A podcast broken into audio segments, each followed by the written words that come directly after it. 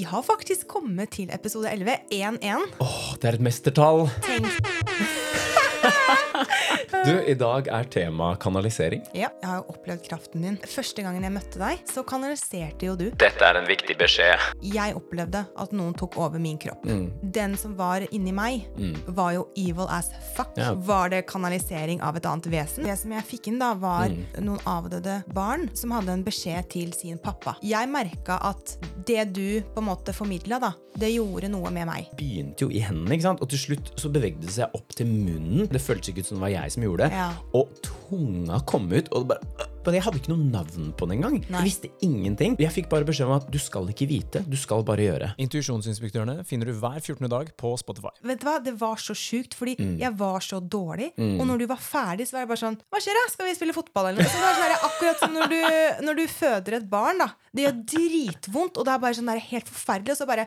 Å, ungen er ute. Å ja. Mm. Ja ja. Chiller'n, liksom.